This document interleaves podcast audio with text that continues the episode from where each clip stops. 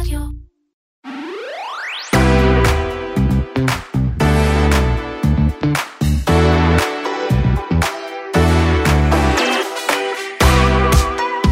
האם מורים הודים ילמדו את תלמידי ישראל? לאיפה נעלמה הלמידה המקוונת שכל כך שגשגה כאן בתקופת הקורונה? ומה הבעיה הכי גדולה שלא חשבתם עליה בוואטסאפ הכיתתי עם המורה? לרגל פתיחת שנת הלימודים, פרק מיוחד עם כתב החינוך של כלכליסט, שחר אילן, שיענה על כל השאלות האלה. אתם מאזינים לקוקיז, פודקאסט ההייטק והטכנולוגיה של כלכליסט. אני מעיין כהן רוזן. אני עומר כביר. מתחילים.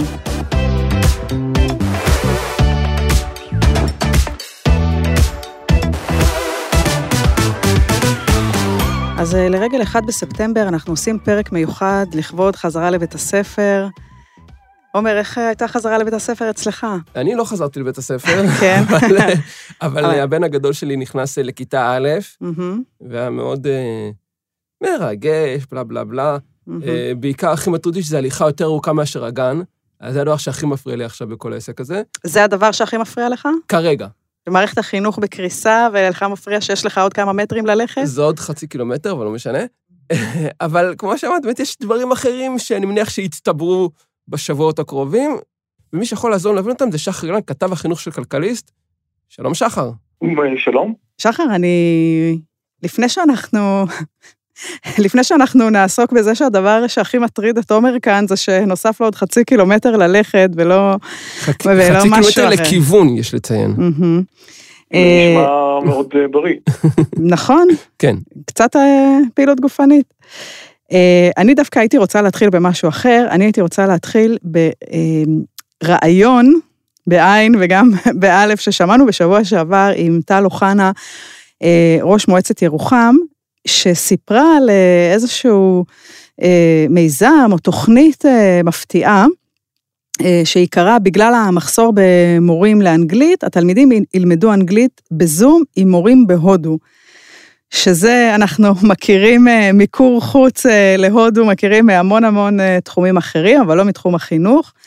מה אתה יכול לספר לנו על זה? בואי נתחיל בעובדה שזה ברור שלמידה מקוונת תהיה חלק מהפתרון של המחסור במורים. האם למידה עם מורים מהודו נראית לי הדרך המתבקשת? אני חושש שלא. אחת הבעיות הגדולות של המורים, ב...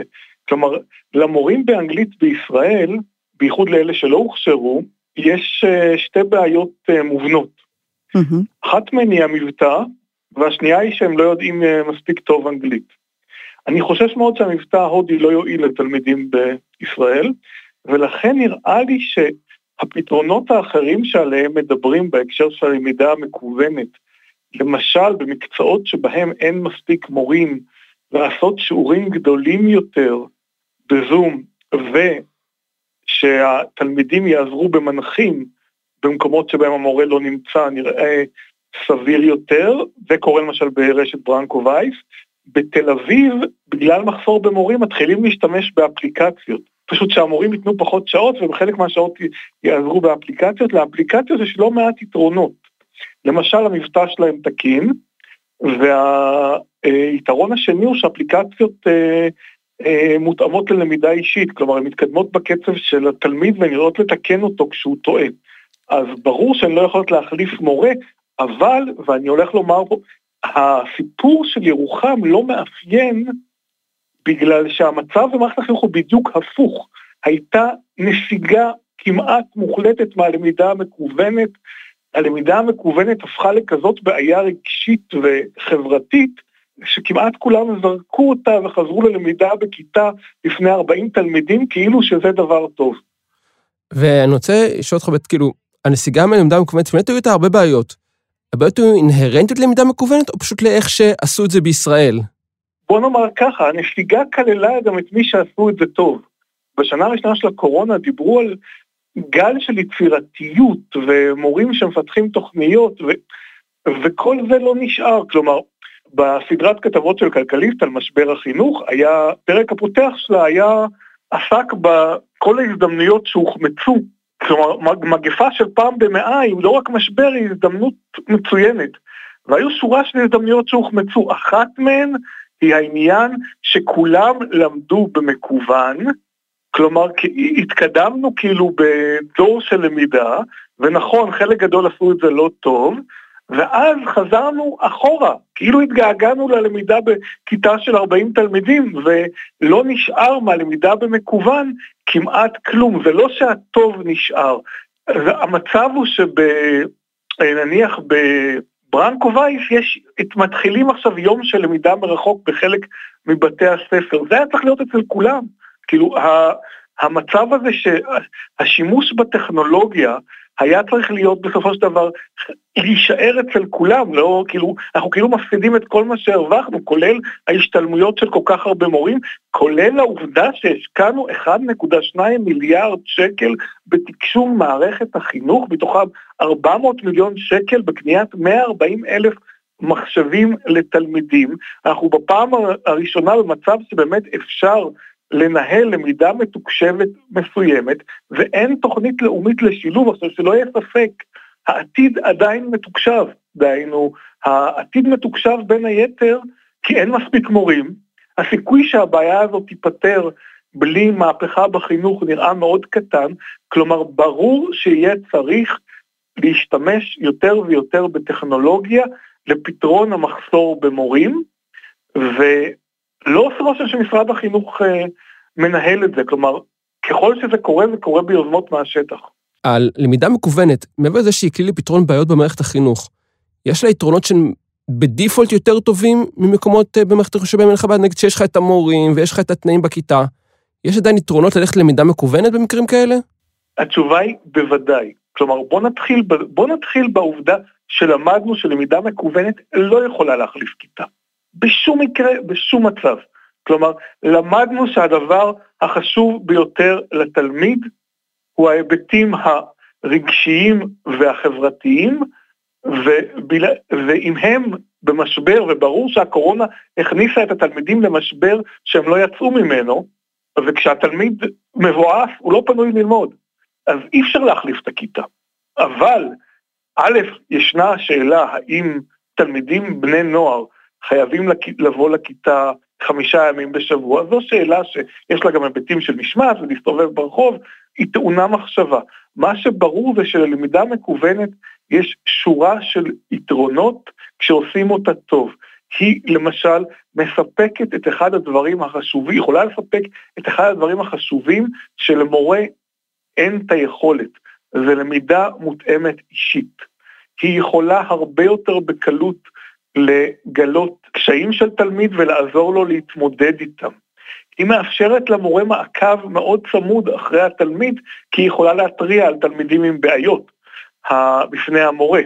היא יכולה מאוד, כשהיא נעשית נכון, לעודד למידה עצמית, ולמידה עצמית היא ללא ספק הרבה יותר חשובה מלהקשיב לשנן ולפלוט את זה אחר כך.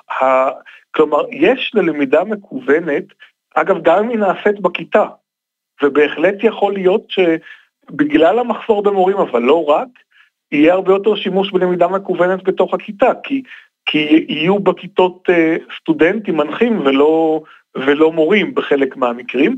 אה, יש ללמידה מקוונת יתרונות לא מבוטלים, אם משתמשים בה נכון, וברור לגמרי שהיא תשתלב.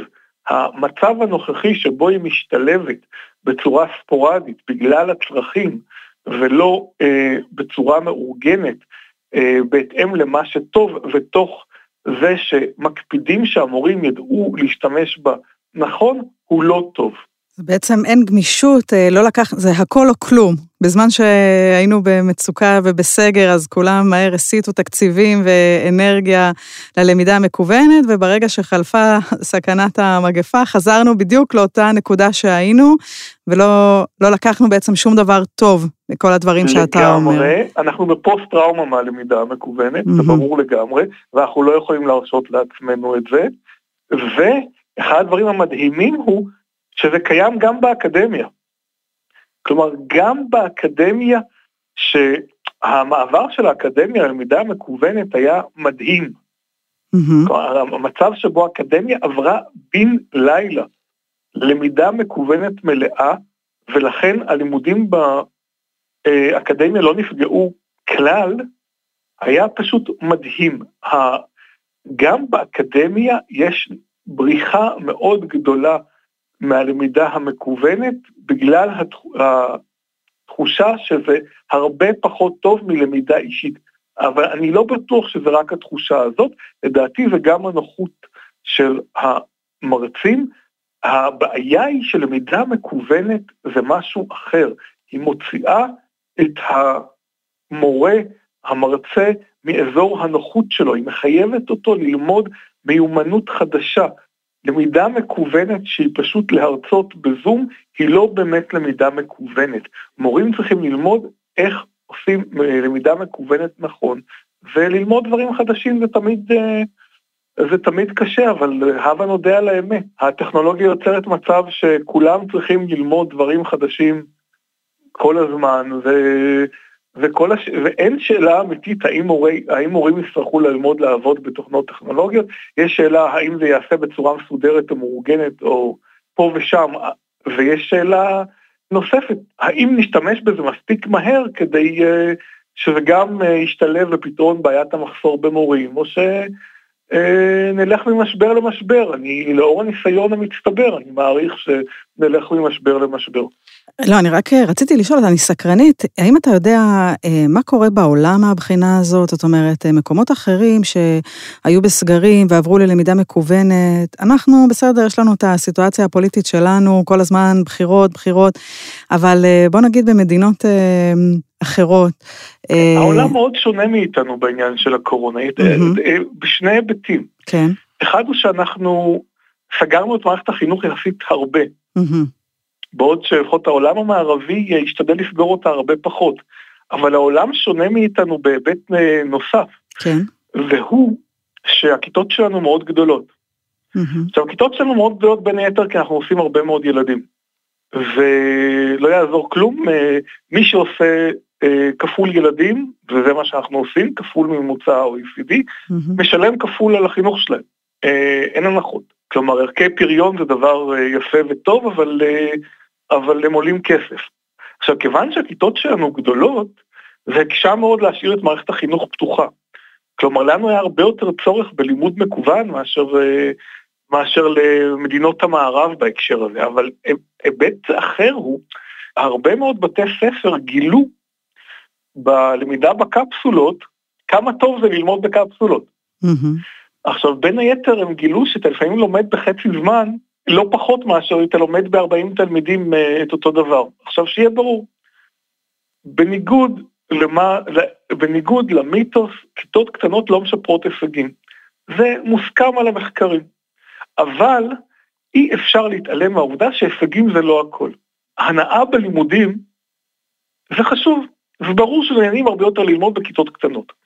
אה, יכולת לתת יחס אישי זה חשוב, זה חשוב בין היתר כי מורה שיכול לתת יחס אישי הוא מורה הרבה יותר מרוצה, הוא מורה שיש לו משמעות, וברור שהיעדר המשמעות הוא אחת הסיבות לבריחה מההוראה. אה, זה חשוב כי אפשר לאתר בעיות אישיות. ולכן אחד הדברים שאנחנו לא למדנו מהקורונה, זה, או שלא התמודדנו, זו השאלה האם צריך לעבור לכיתות קטנות יותר. אם היינו במצב שבו אה, צריך להכפיל את מספר המורים כדי לעבור לכיתות קטנות, אז הייתי אומר בשום אופן. למה בשום אופן? א', כי זה הוצאות מטורפות, mm-hmm. שאין שכרן בצידן, וב', כי אנחנו לא רוצים להוריד את רמת המורים, אבל מה? בישראל יש פרדוקס.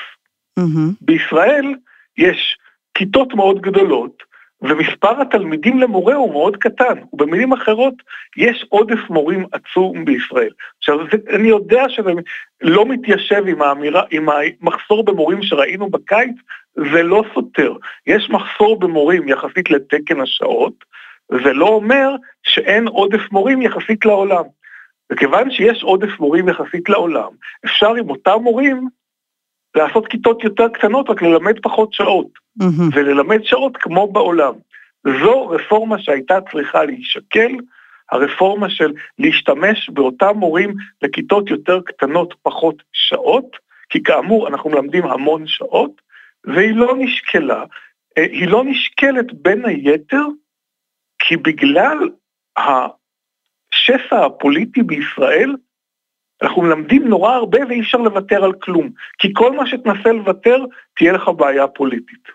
סוגיה שמעניינת אותי היא סוגיית הפרטיות.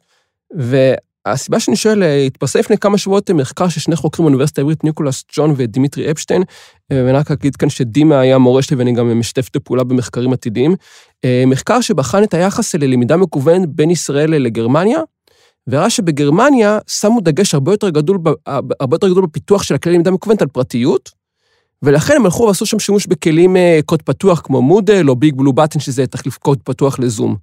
וכאן בישראל הפרטיות לא הייתה בכלל אישו, פרטיות, פרטיות של התלמידים ושל המורים, ולכן הלכו ישר לכלי מדף של ענקיות טכנולוגיה, שכמובן שותות את המידע של התלמידים ושל המורים, ולך תדע מה הן עושות איתו. עכשיו שמדברים למידה מקוונת, יש בכלל שיקול של פרטיות בבחירה של הכלים וביישום שלהם? בוא נאמר שהיה שיח מועט מאוד בתקופת הקורונה.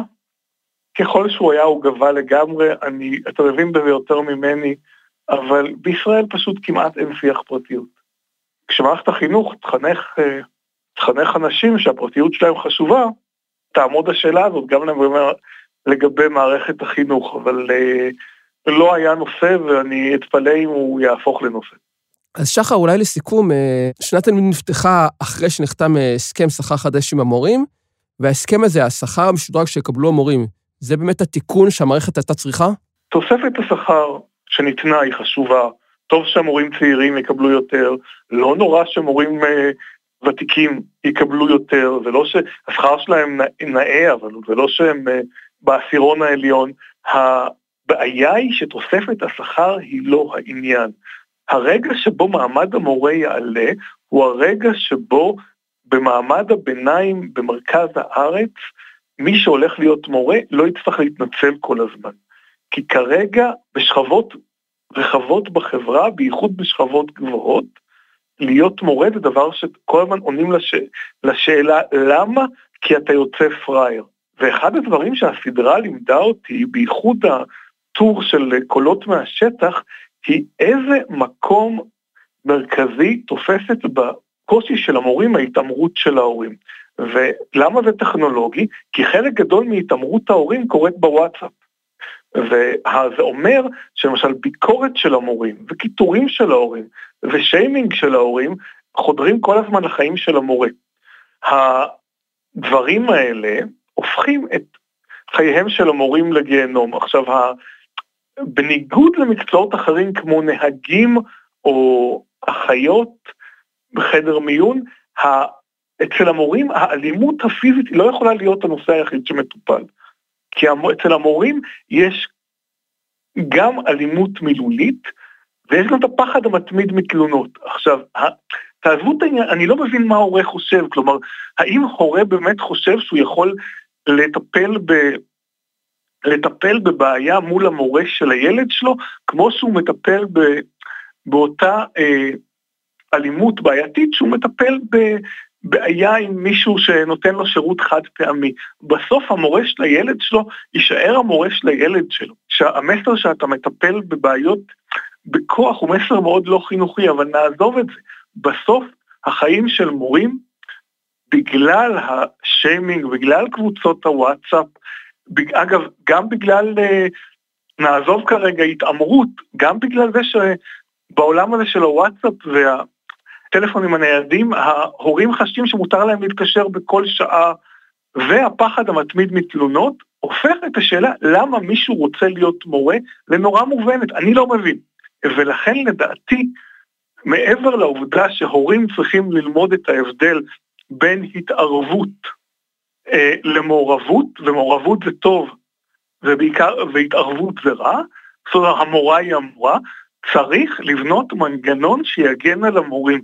מנגנון שיגן על המורים צריך א', אה, לכלול אמצעי התערבות במקרה של אלימות לא רק פיזית אלא גם מילולית, כולל תביעות, ואני חושב שצריך להתחיל להשבית שכבות ובתי ספר לא רק על אלימות פיזית, אלא גם על אלימות מילולית קיצונית, כי אם אנחנו רוצים שיהיו מורים לילדים, צריך להפסיק לבייש אותם כל הזמן.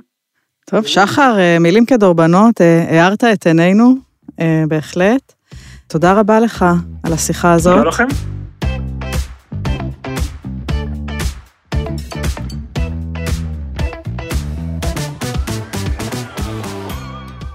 ומהקוקיז נעבור לקוקיות. עומר, מה ההמלצה שלך לשבוע? אז השבוע יש לי דיס המלצה. וזוהמת.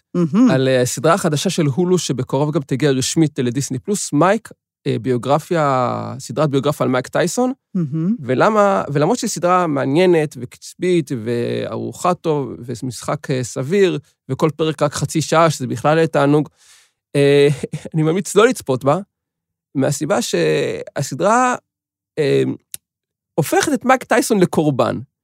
עכשיו, מייק טייסון, אה, אנס מורשע, אדם שככל הנראה היה בעל מתעלל שהיכה את אשתו, ודעה ראשונה, להציג אותו כקורבן של אה, נשים בחייו, של... אה, מציגים את אשתו הראשונה שם כגולד דיגר תככנית,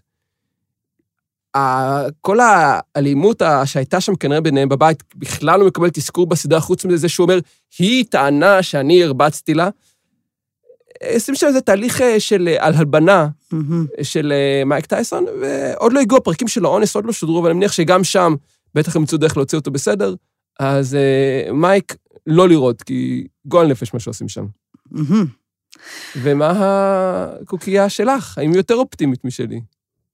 אני, אני אלך בעקבותיך ואני גם אתן דיס המלצה, ואני כבר מזהירה מראש ואני אומרת, דלאפ, דעה לא פופולרית, אני הולכת אוקיי. להגיד עכשיו. אני אפילו לא מאמינה שאני אומרת אותה, אבל מישהו חייב להגיד את זה. אני Mm. מדברת על הסדרה שבאמת הפכה כבר לסדרת קאלט, בואו לאכול איתי. אנחנו מתים על זה. נכון. זאת סדרה. מעולה, היא שנונה, היא אדירה והכול, אבל אני מרגישה כבר שהדמויות, הן נכנסות ישר לתוך התפקיד כאילו שתפרו להן. אוקיי. אז זה הרבה פחות אותנטי כבר, זה ברור שיש ציפייה, כאילו, אתה יודע, לכל מיני דברים ביזאריים, והאנשים שמלהקים אותם, כבר, אני חושבת, בראש, כבר נכנסים למשבצת, ש... וככה בעצם אנחנו, נוצר לנו, הלכה לי לאיבוד, אה, אני לא יודעת איך להגיד, אה, אותנטיות. שוב, זה מצחיק לדבר על אה, אותנטיות במונחים של ריאליטי, כן. אבל אה, קצת הלכה לי לאיבוד הרעננות אולי, או האותנטיות של הדבר הזה, ואני כבר מרגישה שזה טיפה, לא יודעת, פחות חד אולי ממה שהיה קודם, וזהו. כן. למרות שזה עדיין טוב, ויחסית למה שמשודר בטלוויזיה, זה באמת סוגה עילית, אבל עדיין. וגם כמה תוכניות פריים טיים יש שאת יכולה לראות עם הילדים שלך בשקט. אה, זה- אה, זה גם אה, משהו חיובי.